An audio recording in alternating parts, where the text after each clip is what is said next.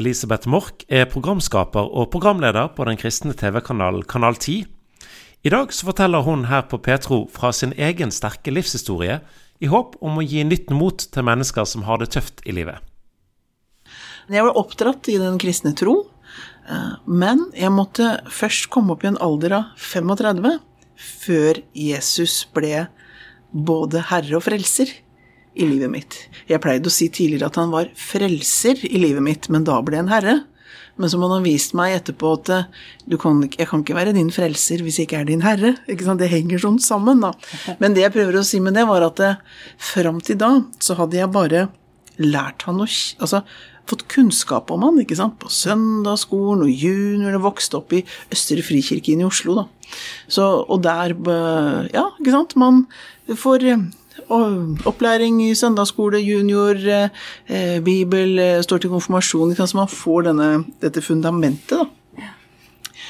Og i en alder av 20 år så gifta jeg meg, og like etterpå kom det to barn, en gutt og en jente, som i dag er 30 og 27 år. Veldig velsigna med dem. Eh, men i de årene, da, fra jeg gifta meg, fram til denne endringen skjedde i livet mitt, så kjente jeg også at det var på en måte noe som mangla.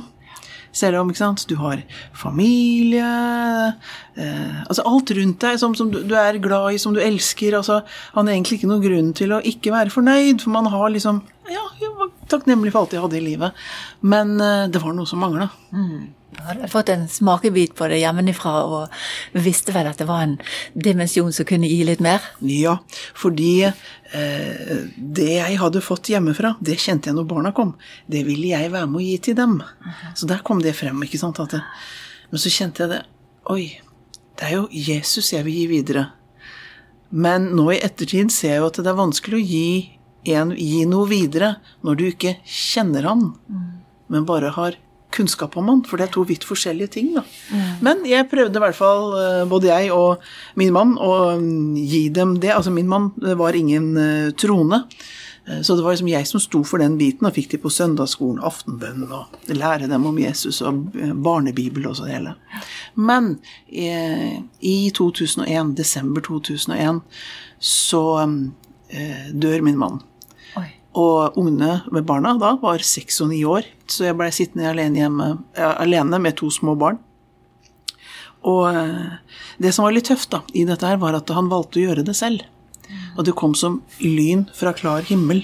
Det var ikke noe sånn sykdomsforløp at du kanskje frykta at dette her kan skje. Det, bare, det var som et lyn slo ned i oss, og liksom hele fundamentet og grunnen og alt i familien bare raste sammen. Det var, føltes så utrygt alt sammen. Men da kasta jeg meg på Jesus. Spørsmålet var ikke 'finnes du egentlig?' For dypt, dypt inni meg så hadde jeg kjent at uh, det er noe som mangler. Og jeg bare hadde en visshet om at han lever og eksisterer. Men jeg visste også at jeg ikke hadde mitt i orden med Gud. Men når dette her skjer, så roper jeg på ham. Og det er så vanskelig å beskrive, men selv om på en måte hele verden rundt deg raser, og du blir stående der og skal takle både din egen sorg, barnas sorg, framtiden, alle spørsmål som man har, så er det, som, det er noe som flytta på innsida. Et sånt anker om at ja, det kommer til å være en periode du må gjennom som er tøff, men jeg skal være med deg. Det var veldig spesielt. Og så gikk det da et års tid. Og da var jeg i en sånn situasjon at den jobben jeg da hadde, kunne jeg ikke fortsette med. For enten skulle jeg begynne klokka seks på morgenen, eller jobbe andre skift og gå til tolv på kvelden. Så det, det, gikk ikke. Så jeg visste at jeg måtte ut og finne meg en ny jobb. Og eh, liksom, hvordan skal dette her gå med økonomi og alt sammen? Så klart, er det når du går gjennom en sorg, så kan du ha noen ganske tunge dager innimellom. Oh, ja. Selv om jeg kjente at Gud hadde vært med og båret på et vis, så var det da den periode jeg bare kjente åh, nå var det mørkt. Men så prøver jeg da å lese i Bibelen når jeg legger meg på kvelden. Mm. Og eh, der slo jeg rett opp i Jesaja 41,10. Og der står det 'frykt ikke, for jeg er med deg'. Se deg ikke engstelig omkring, for jeg er din Gud. Jeg hjelper deg og holder deg oppe med min rettferds høyre hånd. Men da tenkte jeg ja, ikke sant. Ja, det var det. det var til Israel, det, da. Eh, og så er noe med det, også at når du eh, har fokuset på mørket som er rundt deg, og du på en måte kjenner deg trygt ned, så klarer du ikke å ta til deg hva Gud sier. For det, det virker så håpløst i situasjonen, for du ser alt som ligger foran deg av ting som kan skje, utfordringer og eh, alt dette her. Så jeg klarte jo ikke å ta til meg det Gud sa. Men dagen etterpå, skjønner du, så det, var jo før kristen-TV, så dagen dagens lys. Men Evangeliesenteret sendte et par ganger i uka på NRK2, et sånt forbønnsprogram. Og da, dagen etter, så er det bare liksom noen få minutter jeg er innom og ser på den sendinga. Da sier programlederen det. Før jeg går videre med bønneemner, så har jeg hilsen til en ung dame som sitter og ser på nå. Du tror på Jesus, du er alene med to små barn. Da begynte øra mine å spisse seg. Ok. Og jeg har en beskjed til deg. Han, Herren hilser deg med Jesaja 41. Og han sier, 'Frykt ikke, for jeg er med deg. Se deg ikke engstelig omkring, for jeg er din Gud. Jeg hjelper deg, og jeg holder deg oppe med min rettferds høyre hånd.' Du vet hva, det nærværet som bare kom i stua, og jeg bare kunne dette gråtende ned på kne, og ikke bare med min egen sorg, for den hadde jeg grått mye over, men faktisk at det, du ser meg. Det lille jeg hadde kjent til da, det håp og det ankeret som hadde lagt seg, det var som om han begynte mer og mer å vise hvem han er, hans omsorg. Det var vel det jeg kjente, hans kjærlighet og hans omsorg så veldig den morgenen. Og det ble et vendepunkt, altså. Midt i den kolossale sorgen, sjokket, grusomhetene som hadde skjedd, så skjer dette her. Mm. Det er som sånn lys som kommer inn. At det, han er virkelig. Han er virkelig. Det var ikke bare sånn et, et håp sånn som vi har ute i verden, og jeg håper at dette er sånn, jeg håper han er med. Men det står jo det at det, vår tro er full overbevisning, og håpet er full tillit til det vi ikke kan se med våre fysiske øyne, men hva vi kjenner i hjertet. Og det som var litt spennende med det, da, at han møtte meg over TV-en da, da visste jo ikke jeg hvilken vei Gud hadde videre med meg. Og, når jeg ser meg tilbake nå, eh, 20 år etterpå, og hvordan veien er blitt lagt til, og spesielt når du tenker på kristen-TV, da, så er det utrolig hvordan Gud jobber. Han hadde flere ting i tankene, han Sissel. For enig var at han hadde behov for å nå meg. Jeg husker jeg nevnte det til Ludvig Carlsen på Evangeliesenteret litt senere.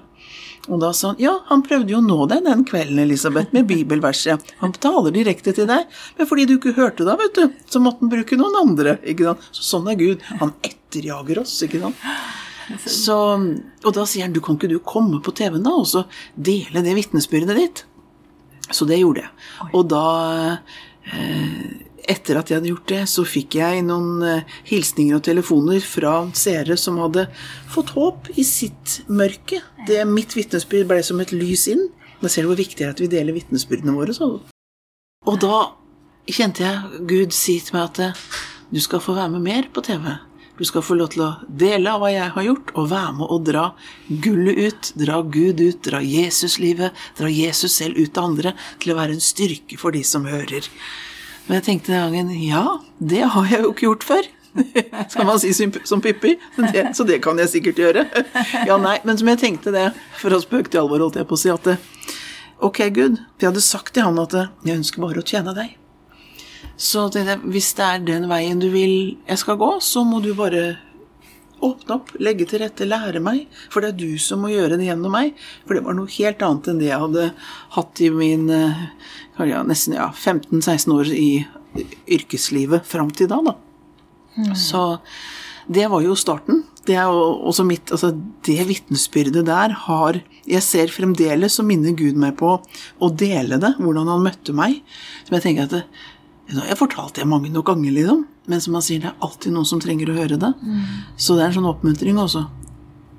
Hold vitnesbyrdet ditt varmt, men lev så nære Han at du stadig har mer å gi. For det er jo det vi fikk eh, kraft til på pinsedag. Å være hans vitner. Da må vi sørge for at vi har et vitnesbyrd. Da. da må vi leve nær Jesus. Og jeg tenker det når livet er vanskelig for oss, når det er tøft og vondt, og vi kjenner at vi ikke makter mer, det er jo kanskje da det er lettest for Gud å få oss i tale, for ellers er det sånn 'Dette fikser jeg selv', ikke sant? Men noen ganger så tillater han oss å komme til slutten av vår, si, av vår styrke, for at vi skal få erfare at han er vår styrke. Han er vår kraft. Han er vår lege som kunne lege hjertet mitt. Og nå, da over 20 år seinere, barna er nå voksne. ikke sant? De er ikke barn lenger, de er voksne på 27 og 30 år. Og um, se hvordan Gud har gjenoppretta oss. Selvfølgelig er det jo et savn etter en pappa, som ek ektemann, som ikke er der lenger. Men jeg kjente Gud, han Det er ikke en ting han ikke kan, Sissel. Og jeg hadde mange hvorfor i begynnelsen. Men, og noen ting ga han meg svar på. Men det meste har jeg ikke fått svar på. Men jeg har fått fred for at Gud er Gud. For det var som en periode liksom Hvorfor ditt, og hva med ditt, og hva med datt? Og, og da kanskje han tillot meg å komme med det. Så var det som han sa at du, når jeg har hørt på alle dine hvorfor, kan du høre litt på mine derfor? Aha, tenkte jeg, skal jeg få svar på alt? Ja, noe viste han meg. Mens andre ting, så er det Nei, det får du ikke svar på nå. Du skal bare stole på meg. Og få, altså, at jeg, det står jo at vi ikke skal eh, stole på vår egen forstand, men av vårt hjerte stole på Gud og ha vår tillit til Han. Og til mer jeg kunne bøye meg unna at Gud er Gud, og jeg er ikke Gud, så i mitt eget liv Han er Gud i mitt liv. Til mer jeg kunne forsone meg med det, til mer så bare la de andre spørsmålene seg. Jeg fikk fred for dem, og jeg bare Ja, kanskje jeg en gang skal sette meg ned når vi i gang å møte Jesus og snakke om disse tingene.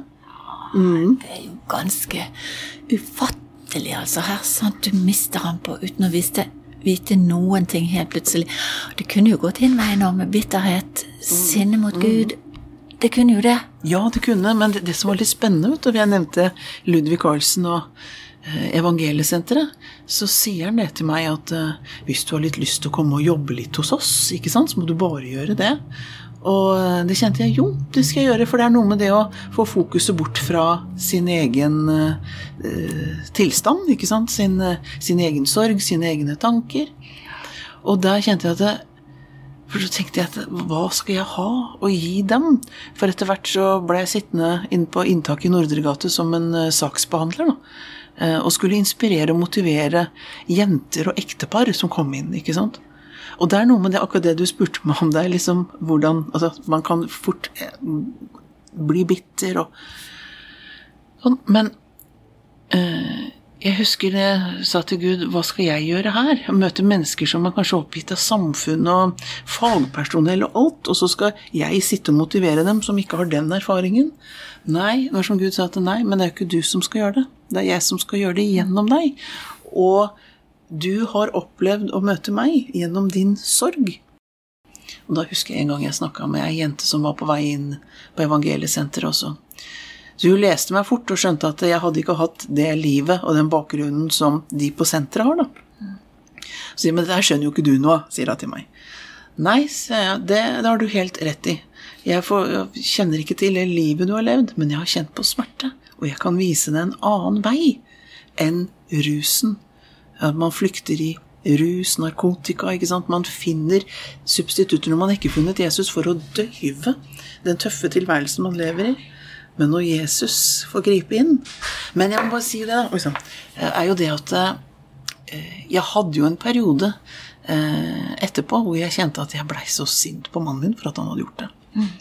Liksom når du får ting på avstand og hører liksom ungene 'Mamma, hvis vi ikke hadde gjort sånn eller sånn', eller sånn Tror du han hadde levd da? Og jeg skjønte at de begynte å ta på seg altså en skyld. At det var det noe de kunne gjort? Og da kjente jeg at jeg blei så sinna.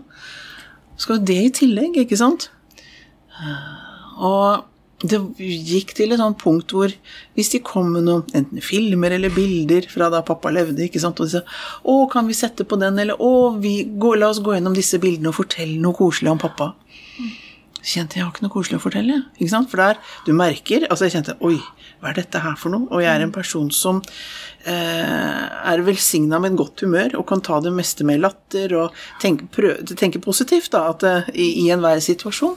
Og jeg begynte å kjenne at det kom noe inni meg som ikke var meg. En sånn sinne, bitterhet. Og jeg tenkte dette her vil jeg ikke ha. Det kommer til å ødelegge både meg og ungene. For jeg blei fysisk dårlig. Jeg kjente jeg blei fysisk kvalm når jeg liksom skulle prøve å sette meg ned og si noe pent. Altså, eller ikke si noe pent, komme gode minner eh, fra da pappaen deres levde. Og da kommer Jesus ut og sier du må tilgi. Mm. Og eh, ja Men han lever jo ikke lenger, ikke sant. Jeg kan jo ikke altså, du tenker på tilgivelse, at mm. eh, tilgi noen som har gjort deg noe vondt. Men det handler jo om at eh, du skal slippe den bitterheten som er på innsida. De gangene man kan gå og gjøre opp med noen, så er det veldig bra. Men det er ikke alltid man får gjort det, sånn som i mitt tilfelle. Men eh, så kjente jeg bare Gud inviterer meg til møte meg i dåpen. Ja, det er det Du måtte tenke litt på det der. At du kom til tro og ble døpt. Og, og jeg husker når jeg døpte meg, så sier jeg til Gud at eh, jeg velger å tilgi. Ikke fordi at jeg følte for det, som Gud viste meg, at det handler ikke om en følelse, det. Det handler om en lydighet. Og så sier jeg at når jeg går i den dåpens grav, så ønsker jeg å begrave alt det gamle. Eh, ikke bare den sinte delen av meg, men det gamle livet. For det er jo mer enn å bare begrave en viss hendelse. Det er jo å dø med Kristus, oppstått med Kristus, en samvittighetspakt og lydighetspakt. Jeg gikk i dåpens grav og sa at når jeg står opp igjen derfra, så skal alt det gamle i meg, den sinte eh, Elisabeth som begynte å vokse fram, bare forsvinne. Drukne det i dåpens grav. Og når jeg sto opp fra, den, eh, opp fra vann, gikk, kom opp fra vannet igjen, Sissel, så var det borte. Sinnet var borte, og jeg kjente jeg kunne prate om han uten at det gjorde vondt. Mm. Så der gjorde Gud et mirakel.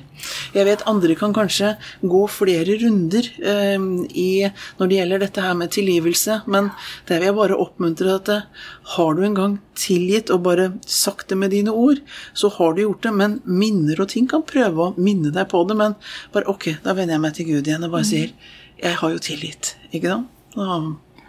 Det er eh,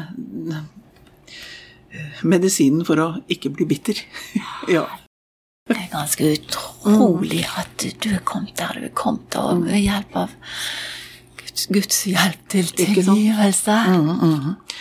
Ja, og det er eh, han, altså, hans tanker for oss eh, og det livet han har for oss, er så mye høyere enn det vi kan fatte og forstå. Og vi har så lett for å bli gående i, i våre omstendigheter. For ja, de var jo tøffe, og jeg tror også det, Sissel, at jeg kunne ha blitt i en sånn bitterhet. Eh, og folk rundt kunne ha forstått meg kanskje sagt at eh, hvis man fortsetter å være bitter, at man kan bli litt vanskelig å ha med å gjøre. At man ikke bærer på noe god atmosfære med seg, eller et godt nærvær av noe. Men at folk likevel kunne ha forstått det av hva man har vært igjennom. Og noen ganger så kan vi forstå folk inn i en bundethet, for å si det på den måten. Eh, jeg sier ikke at vi ikke skal forstå hverandre, men jeg merka det at når Gud begynte å dra meg ut fra dette her, når denne tilgivelsen kom på plass, og, og jeg kjente, og dette er vitnesbyrdene som jeg fordelte om hvordan han nådde meg over TV-en. Jeg kjente at det begynte å komme en glede på innsida. Og det sto jo virkelig fra ditt indre skal du strømme strømmer av levende vann. Og dette vannet altså er fra Guds rike, og Guds rike består jo i kjærlighet, fred, glede, rettferdighet, alt dette her. Alle åndens frukter. Så jeg kjente at han erstatta det menneskelige med sitt, eh, sine frukter. Sitt nærvær for det vi ser. Det som jeg begynte å kjenne på, bitterhet, en sorg, savn, alt dette her, det er jo frukter som er i denne verden. Men Gud kommer med sitt rike. Så når vi velger å gjøre det hans vei For når jeg fikk dette her verset over TV-en også, ikke sant Fra Jesaja 41, så betyr jo ikke det at det fra da var alt bare halleluja. Det alt var på topp. Det, det var det jo ikke. Livet er jo ikke sånn. Det går opp og ned, ikke sant. Men jeg kjente Den hellige ånden viste meg at du har et valg nå. De gangene hvor jeg kunne våkne og kjenne Å, må jeg stå opp i dag? Ja, i dag var en tung dag, ikke sant. Ja, nå har du et valg. Enten å gå på dine menneskelige, naturlige følelser, eller å minne deg på hva jeg har sagt. For jeg har sagt at du ikke skal frykte. At jeg skal være med deg. At jeg skal holde deg oppe. Så da begynte jeg istedenfor å altså Det står noe med det med å ta tanken til fange. Og da kunne hun bare si Ok, Herre. Mine følelser var jo ikke med i det hele tatt. Men jeg vil, takk for at du holder meg oppe. Takk for at du har sagt at jeg ikke trenger å frykte. Takk for at du omslutter meg, at jeg ikke er aleine. De gangene jeg kanskje kjente å, å stå som alenemamma ikke sant, og eneforsørger, og så er det jo mye utfordringer og tanker som mm. kommer. Men, men, du har jo sagt at du er min forsørger. Du har sagt at du skal holde meg oppe. Så bruker Guds ord og bare takker for det. Det gjør noe med Da kommer Guds nærvær og hans atmosfære inn, altså. Ja. ja. Det er jo helt fantastisk. Og i dag så får, du være til en enorm velsignelse for masse mennesker. Du har jo helt spesielle gaver til å nå inn, til å rekke inn på dypet av menneskene.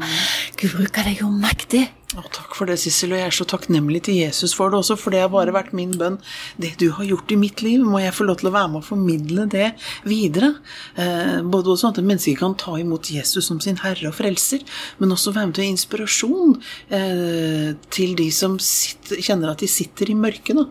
Men jeg husker Gud sa til meg det i begynnelsen, da vi begynte på i, i kristen-TV, da, er det at eh, Pass på at dette her aldri blir en jobb, en sånn rutine. Så gjør vi ett intervju her og ett intervju der, og så stiller vi de spørsmålene, checked, ferdig, ikke sant? Sånn at det blir sånn samlebånd.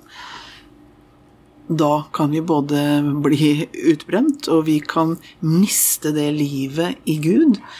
Eh, som han sa at pass på, sånn at hver gang du har en gjest i, i studio, eller hvor enn man er, at du ser etter meg i de menneskene, sånn at jeg selv kan få et møte med Gud, altså få et, se nye sider av Gud. Det er det som er fantastisk når vi kommer sammen som troende. ikke sant? Alle har vi våre vitnesbyrd og historier, og eh, når vi deler det med hverandre, så bare sånn Å, kan Gud gjøre det, ja? Så fantastisk. Noen ganger så er det sånn Å, det trengte jeg høre nå, det vitnesbyrdet. Takk, det tar jeg med meg. Andre ganger sånn Å, Gud, du er sånn nå, ja. Så god du er. Ikke sant? Så, og så lenge da man kjenner på at det, det man Som jeg tenker når jeg sitter der og intervjuer mennesker, og jeg kjenner Å, Gud, jeg kjenner du er her, hva du har gjort i det menneskets liv. Jeg håper de som sitter der og følger med på skjermen sin på den andre sida, får merke det samme, da. Så jeg må si det at de, disse årene har jeg fått oppleve dette. Nå har jeg bare delt litt av det livet og de miraklene som Gud har gjort i hjertet mitt, gjort i livet. Fysiske ting, hvordan han har virkelig vært en forsørger. Økonomisk, som han har hjulpet meg når jeg har stått i utfordringer der. Det står 'Herren er din hyrde'. Du mangler ingenting. Det har jeg bare uttalt over livet mitt. ikke sant? Og hvordan han har vært med igjennom. Så jeg kunne jo altså, opplevd så mye med han som han kunne ha skrevet en bok om det. Men vet du hva?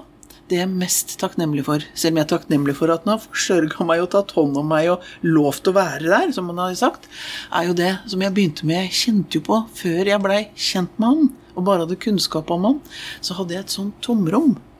Selv om jeg hadde en mann og barn og familie og alt som jeg bare kunne være takknemlig for. ikke sant? Som jeg bare elska over alt på jord. Alt, så jeg var så takknemlig for livet mitt. Men det var noe som mangla, som jeg sa. Det som jeg kan sitte igjen med som jeg er mest takknemlig for, ja, det er takknemlig for at den har tatt seg av ungene og meg opp igjennom, men mest av alt at den freden har flytta inn på innsida. Det tomrommet som var der før dette skjedde, det er borte. Jesus har fylt den plassen. Og det at jeg har mitt navn skrevet i livets bok, og at jeg en dag skal få se han ansikt til ansikt, det er det som jeg virkelig er mest takknemlig for og glad for i livet mitt. Du har hørt en podkast fra Petro. Du finner masse mer i vårt podkastarkiv på petro.no.